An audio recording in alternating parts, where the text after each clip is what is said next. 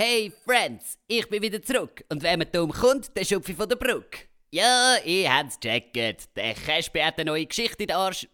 in den Startlöchern. und es brennt mir mächtig unter den Klüppli und jetzt verzapfen. Gib eine Bestellung auf die Scheiß. So bitte. Hä? Oh, meine Güte. Ja, ich komme grad. Immer so ein koger Stress in der Gastrobranche. Also, das heutige Stück heisst «Der Caspi und die Aktion Rotkäppli». Und bei dieser Geschichte machen mit mein Onkel... Kasperli! Oh, Kugelblech. Seht ihr, da kommt er schon. Ah, Kasperli, da bist du ja. Schau, ich finde es ja wirklich lässig, dass du mir da im Restaurant hilfst. Seit du da schaffst, haben wir viel mehr Kunden als sonst. Aber seien wir mal ehrlich, die grösste Arbeitsmoral hast du wirklich nicht. In der Gastro brauchst du Eier. Da musst du wirklich anpacken, Kasperli. Oh, hör mir auf mit anpacken, du. Vom Schnitzelfrittieren habe ich schon richtig Plattern an den Füßen im Fall. Jetzt klütter ich mir grad zuerst mal eine Ziege hinterher. Stopp! Also so einfach kommst du mir nicht davon. Nur wo geschnetzelt wird, kommt auch eine richtig gute Röste auf den Tisch. Oh, du verbrenntes Kürbisküchli. Ich sorge da für dreifachen Umsatz und du lässt mich nicht einmal ordentlich schloten. Nein, nein, du. Schluss aus Ende Pasta. Weg mit dieser Ziege oder kannst du deinen Lohn grad selber kücheln. Oh, oh, oh, oh, oh. Der könnte also auch mal eine Kräuterlunte vertragen, du. Was hustest du da vor dich an? Wenn du ein Problem hast, sagst du es mir geradeaus an Grind. Bei uns in der Gastrobranche brauchst du Eier. Äh, äh, ich habe nur gesagt, ich äh, freue mich aufs Teller rumtragen. So gefällt mir Kasperli. Genau das meine ich mit Eier. Also, Ziege weg und ab an die Arbeit. Oh, du knuspriges Gurkenscheibli. Das ist jetzt also der Dank dafür, dass ich ihm das so viele Leute in die Bude bringe. Schaffen geht mir also im Moment zünftig gegen den Zinken. So, welchen Tisch hat er gesagt? Ah, da winken sie ja schon die Scheissfeigen durch. Gutes Tägli miteinander. Kann ich Ihnen schon etwas bringen oder tun Sie noch mit der Karte ringen? Bruder, habt ihr Shisha mit Apfelminze? Äh, Wasserpfeife kann ich euch nicht bieten, aber ein guter Klopfmost wäre der Tagestrink.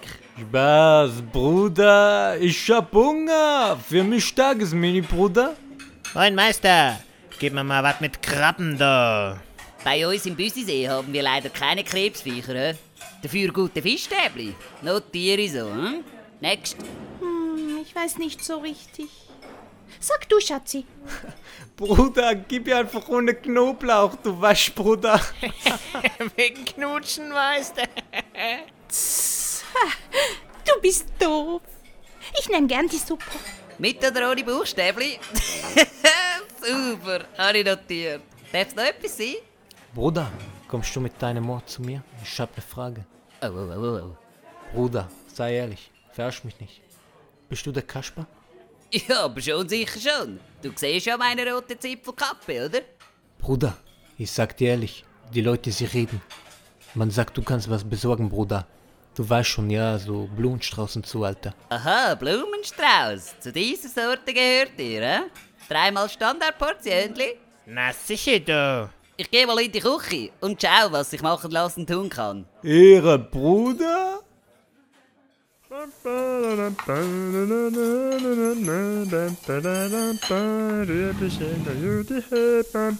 Rüebelscheller, Lücki. Weniger singen, mehr schnäfeln, gell? Bestellung für die Scheiß. Seh da. Oh, Käspi. Bis vor ein paar Wochen konnte ich noch faulenzen den ganzen Tag. Seit du da bist, haben wir viel zu viele Kunden. haben. Ich mag nicht mehr. Kannst du mir meinen Hexenpuckel runterjuckeln, ihr würde? Komm, ab an Herd. Fischstäbli brutzelt sich nämlich nicht von allein. Oh je, meine. Bleibt mir ja nichts anderes übrig. Ei, ei, ei, äh, auf welche Stufe muss ich jetzt die Fritteuse vorheizen, muss ich? Ich mag wirklich nicht mehr. Nur wo geröstet wird, gibt's auch einen guten Tisch auf äh, das Geschnetzelte. Und jetzt ab die Post. Du könntest mir eigentlich auch helfen, eigentlich. Es ist so viel los im Moment. Nur mit Applaus ist der Gastrobranche auch nicht geholfen. Lecker mio, endlich ist die Pfeife weg. Also, dann tue ich da mal den Backofen auf die Seite schieben. Eins, zwei, oh, drei. Ah. So, da komme ich ja gerade ins Schwitzen. Jetzt nehme ich da meine Kiste für. So, seh da. 3 mal 3,5 Gramm. Et voilà. Jetzt muss ich nur noch die Box versorgen. Käspi, was machst du da am Boden? Ah, aua, Rüeblischeller, Lücki. Jetzt bin ich richtig verklüpft wegen dir. Merci, du. Wieso sitzt du vor unserem alten Backofen? Den brauchen wir doch schon lange nicht mehr, brauchen wir. Ja, ja, schon recht, Lücki. Nur so ein kleiner Spass von mir. Also komm, ich muss jetzt wirklich durch zu den Fritteusen. Aber sag mal, was ist denn das für Gewürz in dieser Kiste? Ui nein, ist das Gras? Haben wir Drogen im Haus? Hilfe, Furio! Heb den Scheichen zu, bevor du noch am Boden kackst. Musst doch nicht so laut rumpägen. Ja, aber äh, weiss das denn dein Onkel? Sicher nicht. Und das sollte Gottfriedli auch so bleiben. Wenn der Onkel herausfindet, dass wir nur so viele Kunden im Restaurant haben, will ich da... Jungs, wo bleiben die Bestellungen? Oh, Lücki, hilf mir schnell, den Backofen zurückzuschieben. Und wenn dem Onkel Krigi ein Mucks verratest, dann schlitze ich dich auf von Kopf bis Fuß und mache ein feines Schnitzel Gorgonzola aus dir. Oh ja, ist, ist gut. Ich sage nichts, sage ich. Sind ihr am Schöckeln, Buben? Ich glaube, ich sehe nicht recht. Jetzt hängen ihr da auf dem Backofen rum wie zwei Säcke Herdöpfel. Hey, da aussen herrscht Krieg. Äh, äh, wir suchen das Fritteusensieb. Hey, die Leute rennen uns die Bude ein, Kasperli. Und die Polizei steht auch schon wieder in der Hütte. Jetzt ist also wirklich nicht mehr der Moment zum Fritteusen zu besuchen, ehrlich. Also jetzt braucht es Eier. Äh, ich, ich, ich kann ja wählen, aber der Hespe ist mir im Weg. gewesen. Oh. Was macht denn Bullenschwein da? Ein bisschen mehr Respekt vor der Behörde, Kasperli. Die machen einen wichtigen und guten Job. Aber du hast natürlich recht. Es kann nicht sein, dass die da dauernd bei mir im Restaurant vorbeischauen. Ich bin ein gestandener Mann mit zwei gesunden Eiern. Äh, Entschuldigung. Ich mache mal weiter mit den Bestellungen. Äh, ich muss da schnell auf die Schublade, muss ich. Messi, sorry. Also, dann sind sie nur wieder wegen der Drogen da und wollen gar nichts schnabulieren. Genau so ist es, Kasperli. Nur weil seit ein paar Wochen da die halbe Stadt bekifft ist, muss man doch nicht in jedem Laden und in jedem Loch alles go kontrollieren. Ich bin der Letzte, der Drogen verkauft. Ich bin doch kein hoher Junkie. Ja, wo du recht hast, gell? Äh, excuse ganz kurz, weil ich störe, aber äh, Bestellung für den Scheiß wäre parat, wäre sie. Eierlücke, Ehrenwort. Sag klar, was Sache ist. Also, Lücki, her mit, pronto!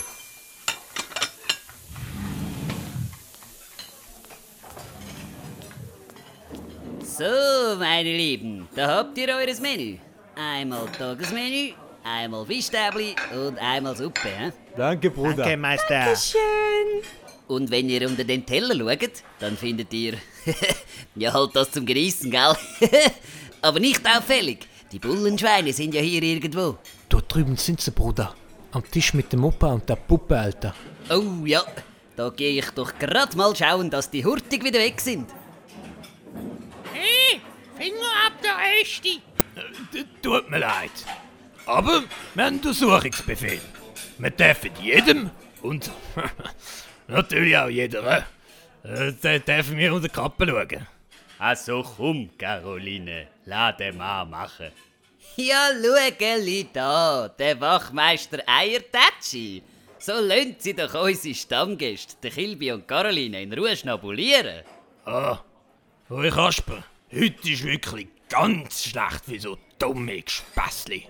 Du weißt ganz genau, dass ich der Wachmeister Eiterschnäbi bin. So, äh, lass mich jetzt machen. Ich muss Ihnen jetzt wirklich mal unter die Kappe schauen, äh, gnädiges Fräulein Püppi. Caroline heisst im Fall! Oh, du gräbige Schwedentorte. Warum müssen sie jetzt deren unter die Haube schauen? Du weißt, seit zwei Wochen sind wir doch dieser Drogenbande auf der Spur. Mittlerweile steht aber ganz klar fest, dass es sich nur um eine Person handelt. Ja, da könnte es ja jeder gewesen sein. Nein, nein, der Drogenverkäufer hat eben auch eine rote Zipfelmütze an. Darum muss ich die leider nachher noch grad kontrollieren, Kasper. Eine rote Kappe ist mir jetzt aber ein bisschen gar spezifisch für eine Insider-Information. Das kann doch nicht stimmen. Mal. Aber mehr kann ich auch nicht verraten.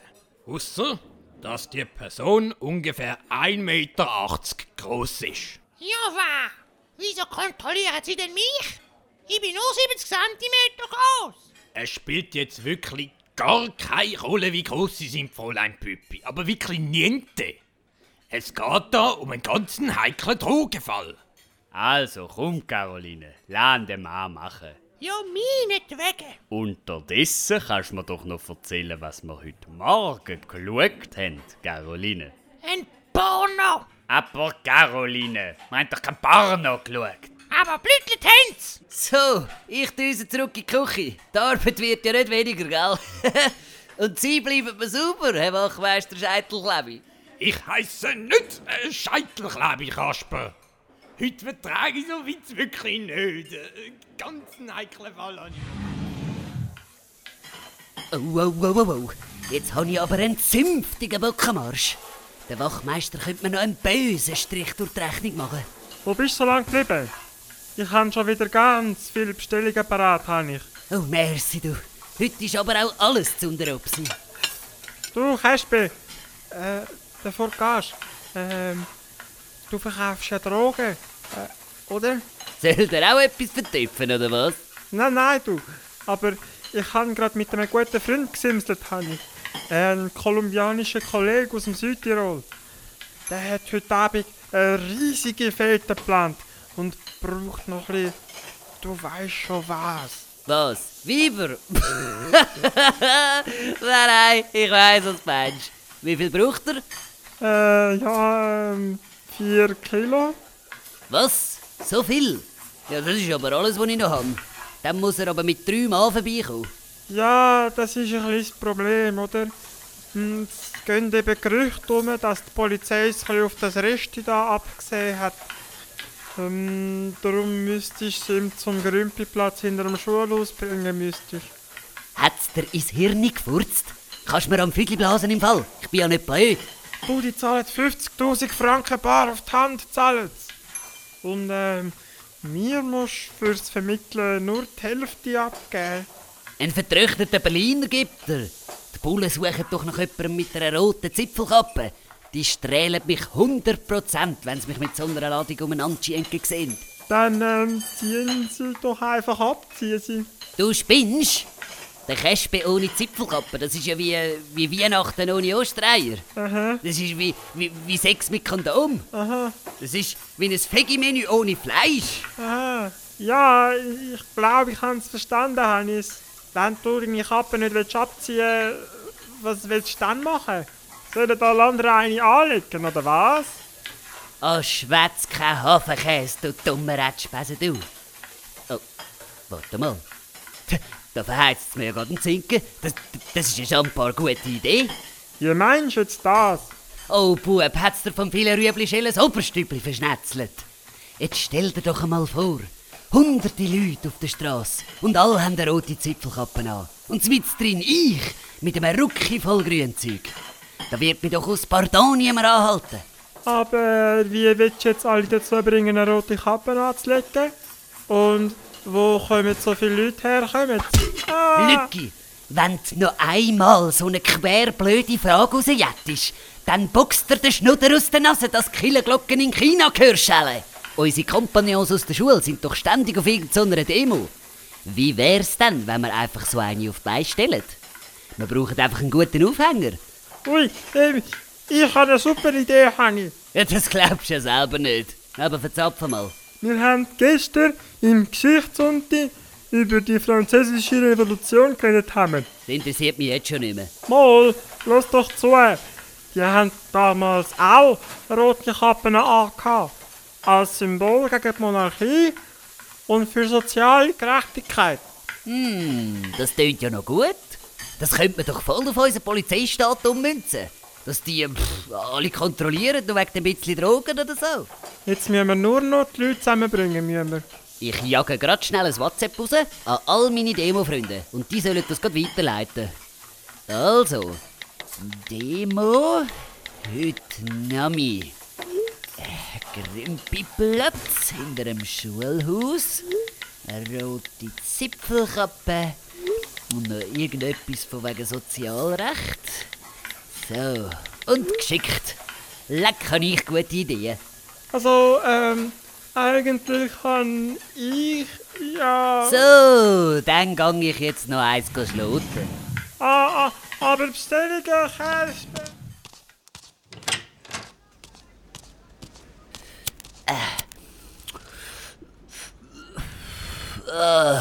Das habe ich jetzt gebraucht. Oh, mein Nattel glüht also auch schon wegen dem Demo-Gesindel. Und jetzt ein gutes Stück Zuckerkirschtorte. Oh, äh, äh, Kasperli? Was, was machst denn du da? Ich bin am Drogen verkremlen.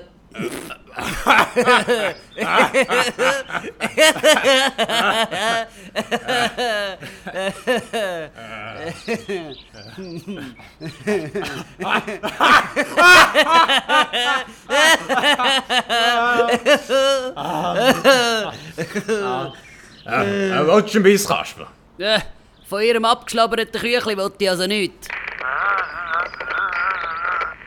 Oh, Polizei von Kasper. Komm. Das ist, nicht, das ist nichts für deine zarten Kinderohren. Mm. Oh. Aha. Aha. Mhm. Mhm. Was wollen's? Darf dir nicht sagen, Kasper. Ganz eine unangenehme Sache. Es bahnt sich eben wieder mal so eine Demo an. Die muss ich sofort unter Kontrolle bringen, solange es noch geht. Ich bin ja schon froh, dass wir sie im Städtli haben. Schau, ich habe ja nicht per se etwas gegen Demos. Weisst, dort wo die Frauen auf die Straße gegangen sind, wegen der Gleichberechtigung. Ja, das hat mir gefallen. Das, das hat mir Eindruck gemacht. Weisst du, die, die Weiber-Demo. Ja, ist gut, ist gut, ja, ich komme schon. Kasper, das tönt nach einer ganz üblen Sache. Ich wäre froh, wenn du mir würdest helfen Aber gern, Herr Wachmeister Streifenschnecki. Ich muss aber zuerst noch schnell in die Küche meine Sachen holen und nachher fräse ich wieder Blitz mit dem Drahtesel hinten rein. Also, erstens, mein Name ist nicht. Äh, ist ja jetzt wurscht. Ich bin froh, habe ich dich. Du bist einer der Guten in dieser Stadt. Also, ich, ich muss. Auf Wiedergüchs!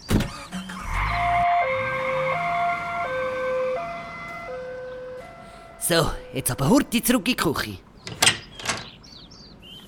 Ich weiss wirklich nicht, wo er ist wo. Also das kann es ja wirklich nicht sein, Rübi Schellenlücke. Ehrlich nicht. Ah, Kasperli, da bist du endlich. Aus dem Weg, ich habe keine Zeit. Ich muss nur schnell die Sachen da aus der Kiste in meine Sporttasche tun. So, drei. Und, oh, ist die schwer. Hey. Jetzt gehe ich ausliefern. Kasperli, wo sind deine Eier? Du kannst doch nicht mit in der Schicht abhauen. Und überhaupt, wir liefern doch nicht einmal aus. So, komm, vamonos jetzt. Dein Geschneider geht mir wirklich im Fürchten an. Spinnst du eigentlich? Also so musst du gar nicht mehr Kasperli. So sicher nicht. Ja, ja, komm, Tschüssikowski. Rübi Schellenlücke. Jetzt brauchst du Eier für zwei. So, wo ist der Göppel? Ah, da. Und drauf. Upp. Zum Glück kann ich es nicht weit. So, noch einmal um den Ecke. Oh, oh, oh, oh, oh, ich höre es schon. Aber mit dem CO2, auf mit dem Klimaziel. Wann wollen wir? Äh, jetzt oder? Meint ihr auch? Dumme Kuh, es geht doch heute nicht ums Klima. Aha, von was haben wir es denn? Äh, Polizeistaat oder so. Oh ja, finde ich auch nicht gut. Aber mit der Polizei, auf äh, mit dem sozialgerechten Gesetzessache. Ui, wie komme ich jetzt mit dem Göppel durch das Gestunk durch? Äh, pardon, ich muss da schnell durch. Excuse, hallo. Ah, Entschuldigung. Ahoi, Marco. Äh, Entschuldigung, ganz schnell. Ja, excuse. Pardon, kann ich ganz schnell. Äh, Messi. Hey, Kasper, heute ist doch nicht Velo-Demo. Ja, schon recht, Flavio. Ich habe jetzt wirklich keine Zeit für Visimatenten. Hm, wie finde ich jetzt in dem Säuhaufen meinen Kund? Ich weiss ja nicht einmal, wie der Glöckli-Böck aussieht. Ah, äh, du Flavia, gibst mir recht schnell das Megafon? Oh, ein Ansprache vom Kasper. Ja, sicher da. So, äh, ich habe noch schnell etwas in eigener Regie.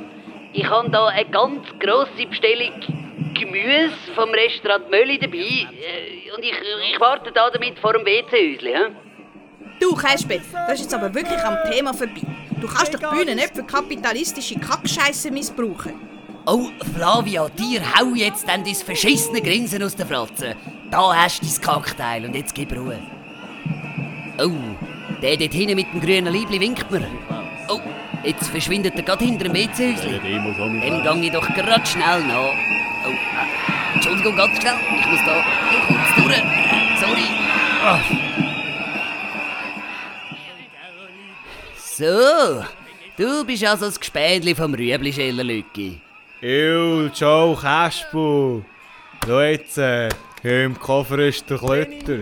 Sie alles hungert er. Super, ich zähl's dann daheim.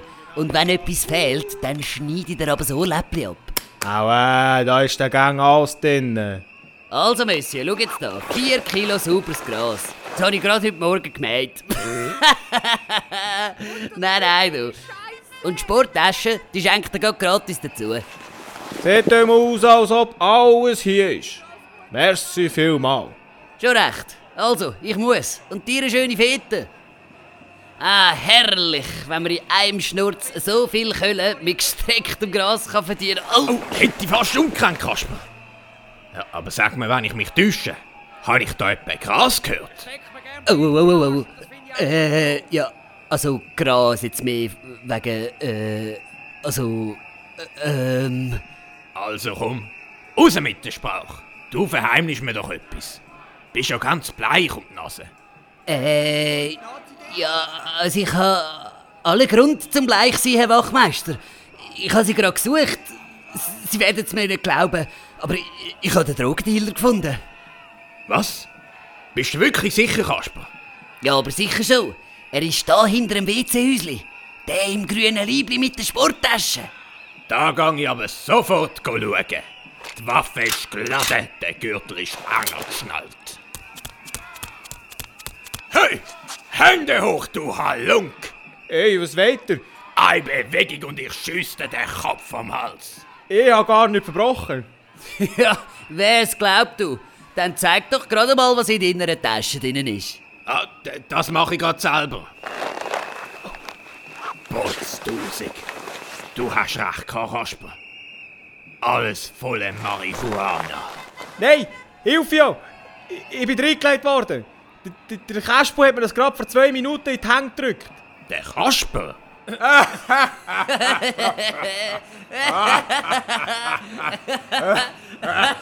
Herrlich.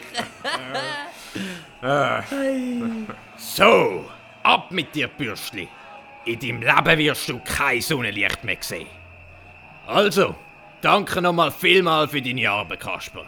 Jetzt können wir endlich aufhören mit diesen Kontrollen. Was? Keine Kontrolle mehr? Der Polizeistaat ist zerschlagen. Dank am Kespe. Hoch lebt der Kasperli. Hip hip hurra, hip hip hurra. Hip hip hurra. So haben wir es doch gern. Die bösen Hagler sind hinter Gitter und ich, der Kasperli, Enkel vom Ludwig III., rett wieder mal die ganze Stadt. So macht's Freude.